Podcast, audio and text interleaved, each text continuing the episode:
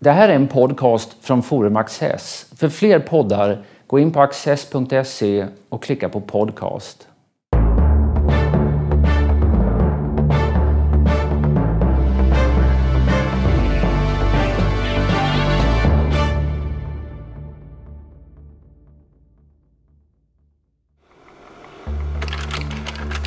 Sven Delblanc anslog sitt stora tema redan i debutromanen Eremitkräftan.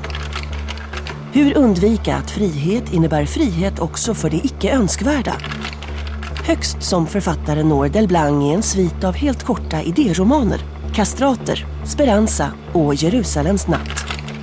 I slutet av sitt liv uppsöker han sin egen barndom och skriver de drabbande uppväxtskildringarna Livets ax och Agnar Lars Lönnroth, professor emeritus vid Göteborgs universitet, talar med Peter Luttersson.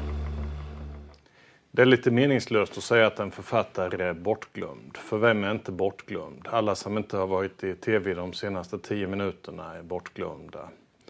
Men eh, Sven Delblanc kan man säga att eh, när han dog så försvann han hastigt och definitivt, som jag uppfattade ur det litterära referenssystemet. Vad beror det på? Jag tror det finns flera skäl till det. Eh, ett skäl som jag tror var viktigt ännu vid den tiden var att eh, han var oerhört impopulär i Svenska Akademin på grund av vad han hade skrivit om eh, Nobelpriset till Evin Johnson och Harry Martinson. Det tror jag dock inte har spelat så stor roll senare. Däremot så tror jag många inom vänstern betraktade honom som en förrädare därför att han hade ju brutit upp från vänstern mot slutet av sitt liv och det var många som tyckte illa om det. Och sen, inte minst, så var det ju feministerna som blev allt mer eh, rasande på Sven Delblancs böcker eftersom de uppfattade dem som manschauvinistiska. Och jag vet inte hur många gånger som jag har sett eh, attacker på Sven Delblancs eh, skriverier om Selma Lagerlöf, trots att han älskade henne. Det var ju en av hans favoritförfattare. Men eh, feministerna önskade ju att, Sven, att eh, Selma Lagerlöf skulle betraktas som en oerhört medveten och intellektuell författare medan Sven såg henne som en väldigt spontan författare och Sago, var... Sagoberättare, Sag, vad var det han uh, kallade henne? Ja, ja det, men, jag tror men... inte han kallade henne för sagoberätt, sagotant och sånt. Det var snarare feministerna som beskyllde Sven för att teckna henne som en sagotant. Okay, ja. Men sen är det också faktiskt arvingarna som har varit ett stort problem när det gäller eh, Svens fortsatta liv i eftervärlden. Därför att de har ju nu på sista tiden i stort sett vägrat alla som vill komma in i Sven Delblancs arkiv att ha tillgång till det. Och det gör ju att plötsligt har forskningen om honom tagit slut mer eller mindre.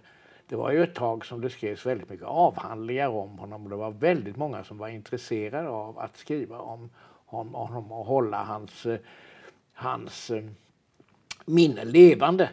Och det har ju i och för sig det utmärkta Sven Delblanc-sällskapet gjort så gott de har kunnat. Men Arvingarna har motsatt sig väldigt mycket eh, på ett sätt som har varit destruktivt enligt min uppfattning.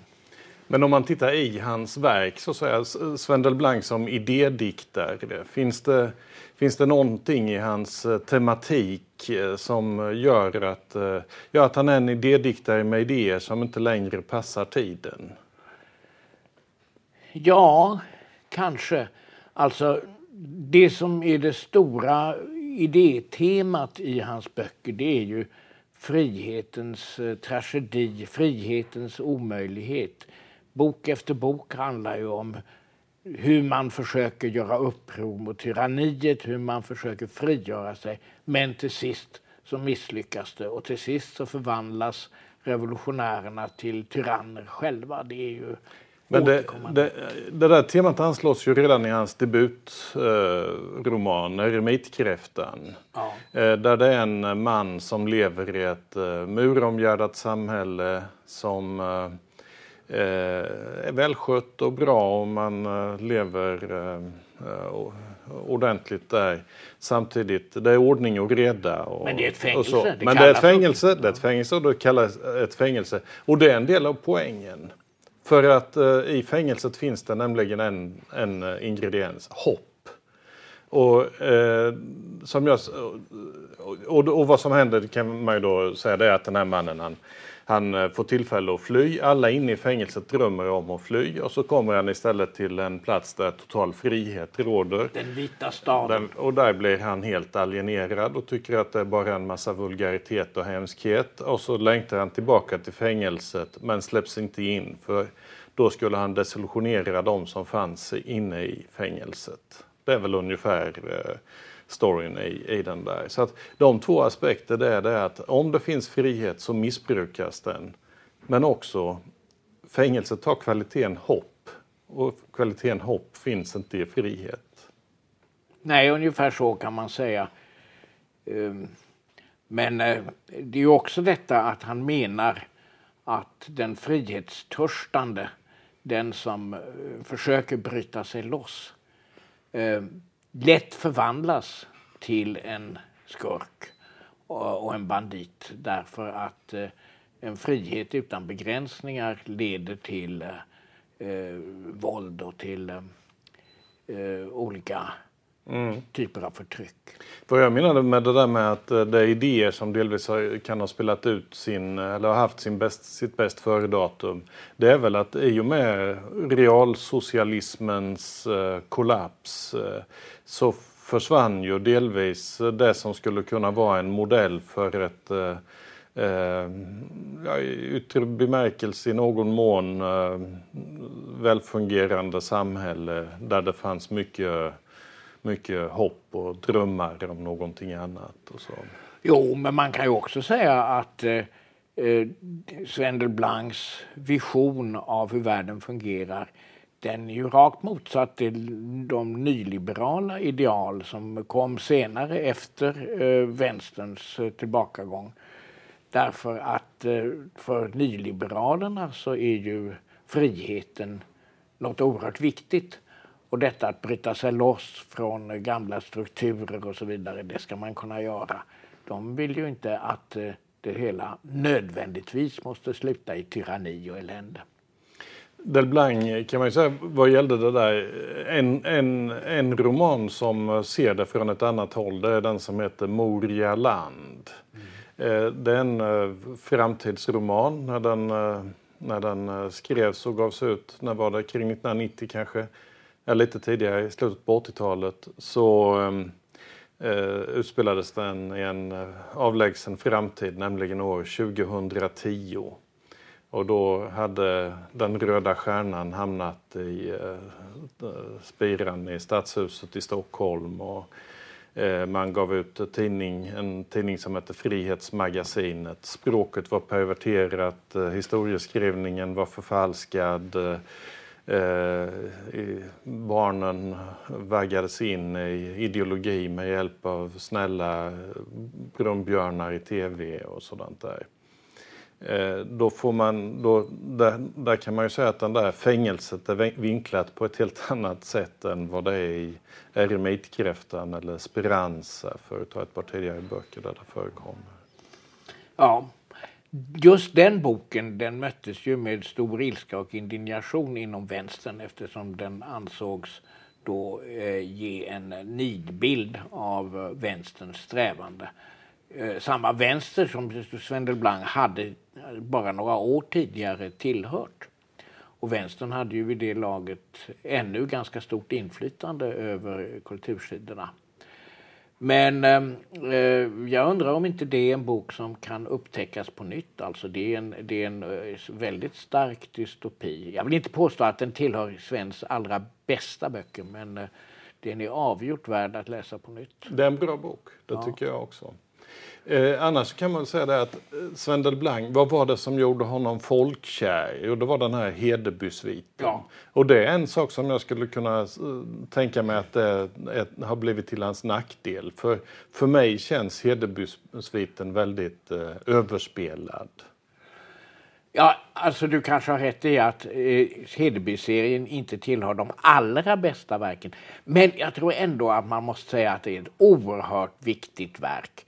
Därför att eh, det var inte bara detta att han blev folklig genom dessa böcker utan där utvecklar han ju första gången sin underbara humor på ett underbart sätt tycker jag.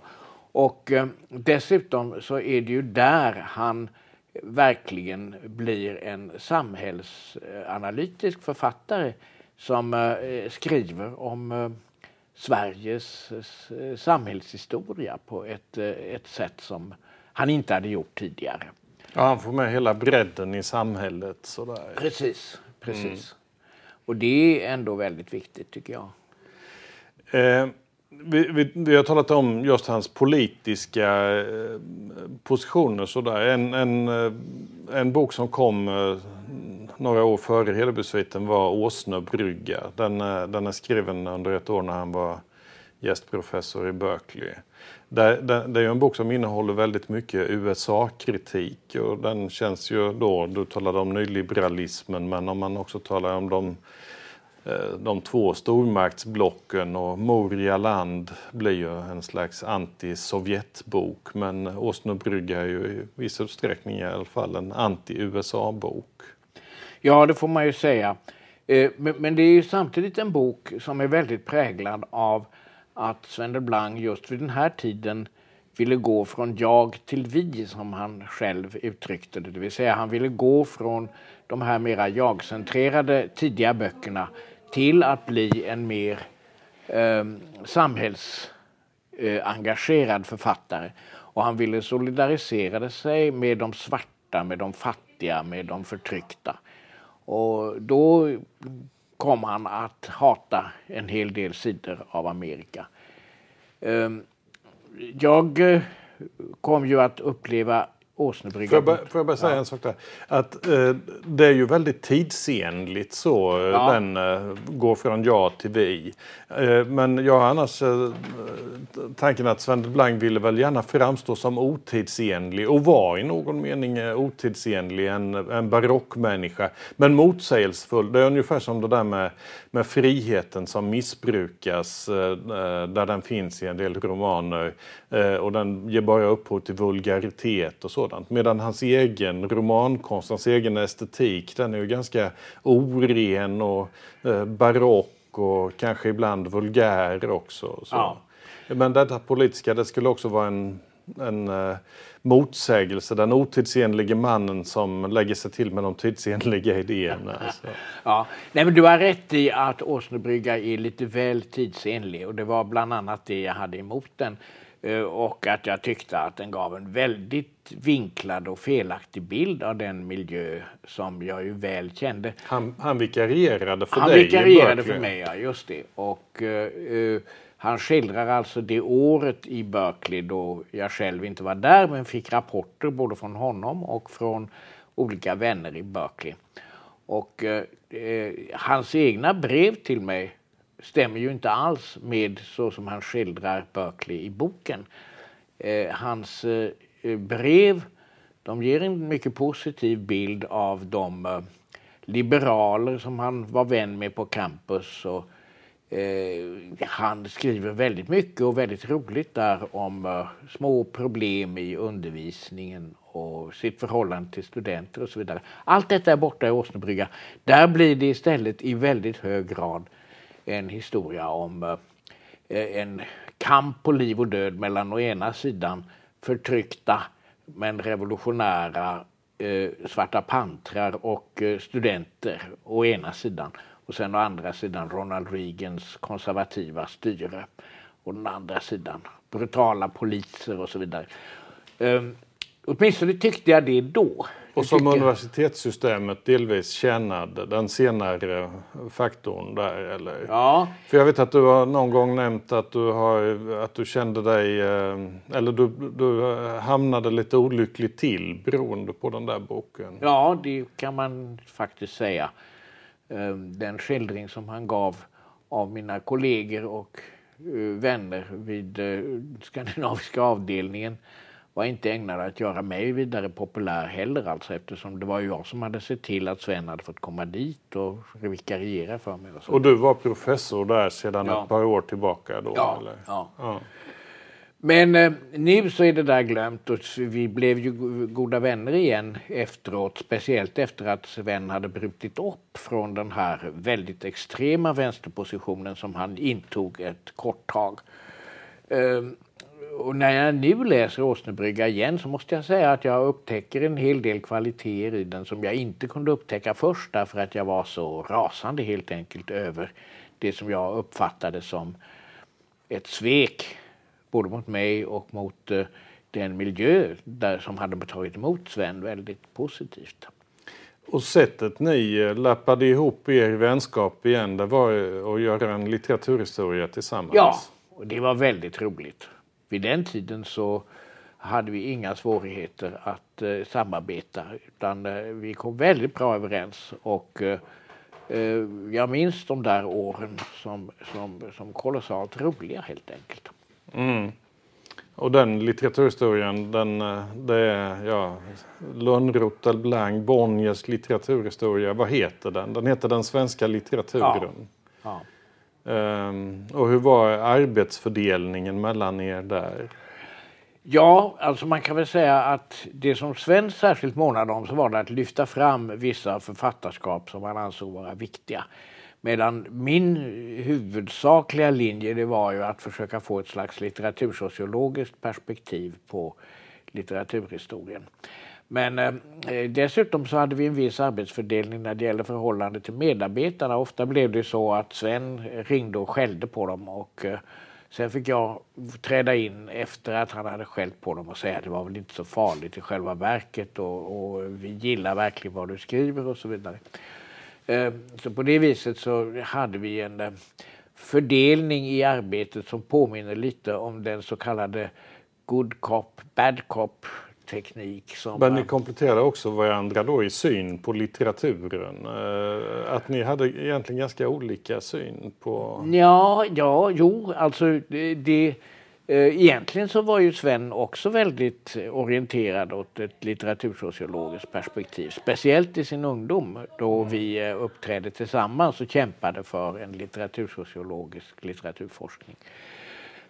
Men eh, vid den tiden när han eh, tillsammans med mig var huvudredaktör för, för den svenska litteraturen så hade han ju kanske förskjutit sina intressen en liten smula så att det viktigaste för honom nu var att vissa författare skulle lyftas fram och göras till de verkligt stora. Hjalmar Bergman till exempel var ju ett sådant författarskap som han eh, kände oerhört starkt för. Och det är inte så konstigt kanske eftersom just Hjalmar Bergman är en av de svenska författare som mest påminner om Sven Delblanc. De har mycket gemensamt i både den nattsvarta pessimismen och i humorn och i folklivsskildringen. Men också i förmågan att skriva existentiella romaner. Och att Hjalmar Bergman pendlar ju också mellan å ena sidan folklivsskildringar som Markurells i Vadköping och såna här mera mörka existentiella eh, verk som En döds memoarer till exempel. Mm. Jag tänkte återvända till idéerna lite grann för att i Åsnebrygga finns det också, jag, eh, jag läser upp ett citat här. Varför har vi ingen konstruktiv konservatism i Sverige? Varför har vi ingen värdekonservatism? Dessa slätkammade, dubbelknäppta, amerikaniserade, hurtfriska träskallar som ivrar för näringslivets frihet. Dessa vill jag inte räkna som konservativa. De är på sin höjd agenter för ekonomiska intressen. Och där finns väl då en annan skiljelinje. Där kan man ju säga är ju väldigt anti en nyliberal världsbild. Eh, men inte ja, i viss harmoni med en konservativ världsbild. Som... Det är ju intressant. Jag hade glömt att det partiet finns med i Åsnebrygga. Därför att det passar på sätt och vis inte så bra in i den ideologi som Sven drev vid den tiden. Då bekände sig till. Nej. Ja. Men eh, man kan ju säga att eh, i, mot slutet av sitt liv så kom ju Sven att bejaka just denna typ av konservatism som han hyllar här i eh, det, det stycke som du just läste upp. Det som är typiskt annars för slutet av hans liv. Han får ett besked om att han har skelettcancer ja. 1990 tror jag. Eh, och eh, det är ju att detta föranleder ju en våldsam produktivitet. Det kommer ut en lång rad böcker alldeles i slutet av hans liv.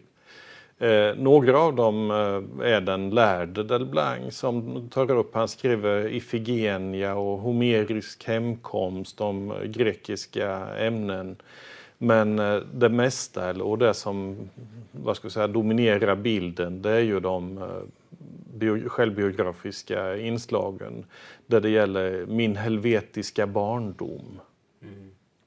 Ja, jag upplevde ju det, detta med svensk sjukdom väldigt eh, traumatiskt och det var förskräckligt hemskt. Vi hade ju precis slutat vår litteraturhistoria. Eh, Eh, och Sven hade talat om att han måste gå till eh, någon läkare för att han hade sånt ryggskott. Men han ville inte göra det förrän vi var helt färdiga med litteraturhistorien. Och så gick han då till läkaren och eh, läkaren konstaterade en cancer som hade spritt sig i kroppen så att det var helt hopplöst och att han var döende.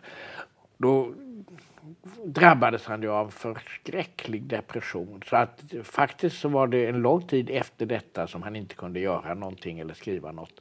Men sen var det som plötsligt den här depressionen födde ett slags nya tag och plötsligt så kom denna enorma kreativitet som, han, som du talar om och som mm. han visade under den allra sista tiden. Det var något mycket märkligt som hände där. Hur uppfattar du de här böckerna, Livets ax och, och Agnar? Är det sanningen han säger eller är det en, en ny föreställning?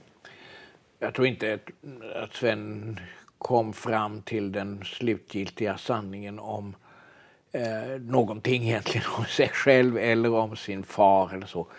Alltså den ger ju en fruktansvärt negativ bild av hans egen uppväxt och jag tror att den är ju sann på det viset att den är sann mot hans egen upplevelse, hans eget mm. minne. Men eh, efter vad jag kan förstå på grundval av de samtal som jag har haft med folk som kände Svens far så var ju inte fadern den fruktansvärda demon eh, som Sven har skildrat honom. Utan fadern var eh, nog ofta en brutal och hetsig person men i många avseenden väldigt lik Sven faktiskt. Och eh, hade en humor som liknade Sven så han var väldigt populär bland många människor. Eh, men eh, jag tror att Svens eh, verkliga skräck som har kommit till uttryck redan i Eremitkräftan och som kommer fram om och om igen i hans böcker så är det att bli som pappan. Mm. Eh, och, bli som pappan kunde vara i sina mest brutala ögonblick. Alltså. Så att det gjorde att, att Sven på något sätt eh, eh hela tiden eh, bekymrade sig om att eh, han kunde bryta ut. Att han, att, det var som om han, han kände att han hade något monster inom sig som kunde plötsligt bryta lös. Det, nu gjorde den aldrig det, men, eh, men eh, Sven fruktade detta. Och denna fruktan för vad han själv skulle kunna ställa till med har färgat väldigt mycket av hans verk. En annan, ett annat tema som finns i de där sena böckerna det är ju eh, att konsten, litteraturen har blivit meningslös. Han skriver i den lilla bok som heter Slutord att, eh, att den har blivit likgiltig för folket ungefär som vetenskapen om falkjakt. Ehm, det, det är ju också ett tema som finns tidigare i författarskapet, i kastrater, där, ja. där de här kastratsångarna talar och säger att det enda vi kan vara det är maktens apa. Ja, det är naturligtvis en sådan här överdrift som Sven excellerade i. Han eh, kunde ju tycka att eh, eh, hela kulturlivet hade blivit eh, förflackat och uselt och eländigt till exempel. Och eh, eh, då skildrade han det på det här viset som om det var slut nu med konsten och så vidare. Riktigt så illa var det väl inte men, eh, men Sven han hade, han hade, det var inte bara kulturlivet, han skrev ju mycket om, eh, eh eller vid skilda tillfällen om kulturvärlden och vad ska jag säga, dess falskhet och godtrogenhet och eh, dess eh, billiga idealism. Att eh, man kan tillåta sig att vara för det ena eller det andra eftersom man aldrig behöver ta konsekvenserna av det. Men andra miljöer som man är negativ det är ju till exempel den akademiska miljö som man verkade i. Och jag kommer ihåg eh, sådana där porträtt, det finns någon, är det docent han är, som kallas Nakenstedt eh, Eh, och som gör experiment med att släppa ett strykjärn på sin fot för att se om det gör ont och sådant. Ja, ja det, det, finns eh, ju också förskräckliga nidbilder av olika professorer som eh, eh, inte minst i Nattresor, den här skildringen av den här Viktor von Schwanendreher är ju ett sånt här fruktansvärt nidporträtt av en professor som hade stått Sven ganska nära tidigare. Och vars namn du gärna kan säga, för det, det, det, sa du ju nästan fast du uttalade det lite skevt. Ja, Viktor Svanberg. Men ja. eh, det är ju naturligtvis en fruktansvärt orättvis bild av Viktor Svanberg som Sven ger. Eh, nej, men han, Sven hade ju en oerhörd förmåga att eh, uppleva nästan alla sociala miljöer som på något sätt korrupta. Den akademiska världen var korrupt, kulturlivet var korrupt, politiken var korrupt. Svenska kyrkan var ett annex till Socialstyrelsen. Ja, jo. Uh, Men ni kunde, kände varandra kunde... hela livet? Vi kände varandra hela livet. När blev ni vänner? Ja, jag kommer inte riktigt ihåg exakt vilket år det var, men det var väl någon gång mot slutet av 70-talet när eh, han började. Eh, slutet av 50-talet måste du mena? Ja, så du talade om när vi först blev vänner? Ja, när ni först ja, ja. blev vänner. Ja, inte det, var, efter... det var 1956. Ja. Men, eh, och, och eh, vi eh, höll ju ihop under nästan hela den tiden. Men det var alltså ett avbrott från Åsnebryggan 1969 till någon gång mot slutet av 70-talet då mm. vi inte umgicks och inte hade någon kontakt med varandra. Ja, för jag minns, jag någonstans läst det här. Ni åkte fast för, för att ni åkte moped eh, i ja. berusat tillstånd i Uppsala ja. vid 16 års ålder ja. eller någonting sånt där. Nej, var, vi var äldre. var äldre. Dessvärre var vi äldre än så. Uh, och det, det, är ju en sån här anekdot uh, om hur vi uh, åker fast för att vi åker i berusat tillstånd på en moped. Men den in, historien innehåller ändå någonting som är intressant när det gäller Svens författarskap. Därför att när vi då fördes in på polisstationen av en mycket hygglig konstapel som hette Göte Jansson så började Sven bekänna. Ja, ja, jag har druckit sprit. Mm. Jag har, ja, och, och, så blev det plötsligt denna enorma bekännelse. Alla hans eh, mer eller mindre påhittade förbrytelser kom plötsligt fram så att till slut poliserna stod och sa nej men så, så, så farligt var det väl ändå inte och sådär. Men det var mycket typiskt för Sven. Alltså denna otroliga ruelse som plötsligt kunde gripa honom. Vår tid rinner ut, men jag ska ställa en fråga. Att, eh, eftersom jag började med det där att eh, författarskapet kanske inte, det är inte det man stöter på till vardags eh, i offentligheten. Om man skulle läsa någonting av Sven Delblanc idag, vad skulle du välja för ett verk? Jag skulle nog välja Speranza som jag tycker hör till hans allra bästa eh, idéromaner. Det är återigen det här temat med eh, frihetslängtan som så småningom urartar i tyranni. Men det är en ovanligt väl genomförd berättelse. Också den en 1700-talspastisch, precis som Prästkappan som är en annan av dessa verk som mm. jag tycker att eh, eh, som står sig. Som... Speranza namnet på ett slavskepp på väg över Atlanten. Precis. Eh, och det är ironiskt just då att eh, slavskeppet har ett namn som erinrar om hopp. Men i själva verket så visar det sig ju att det är idel hopplöshet som råder. Tack Lars. Tack.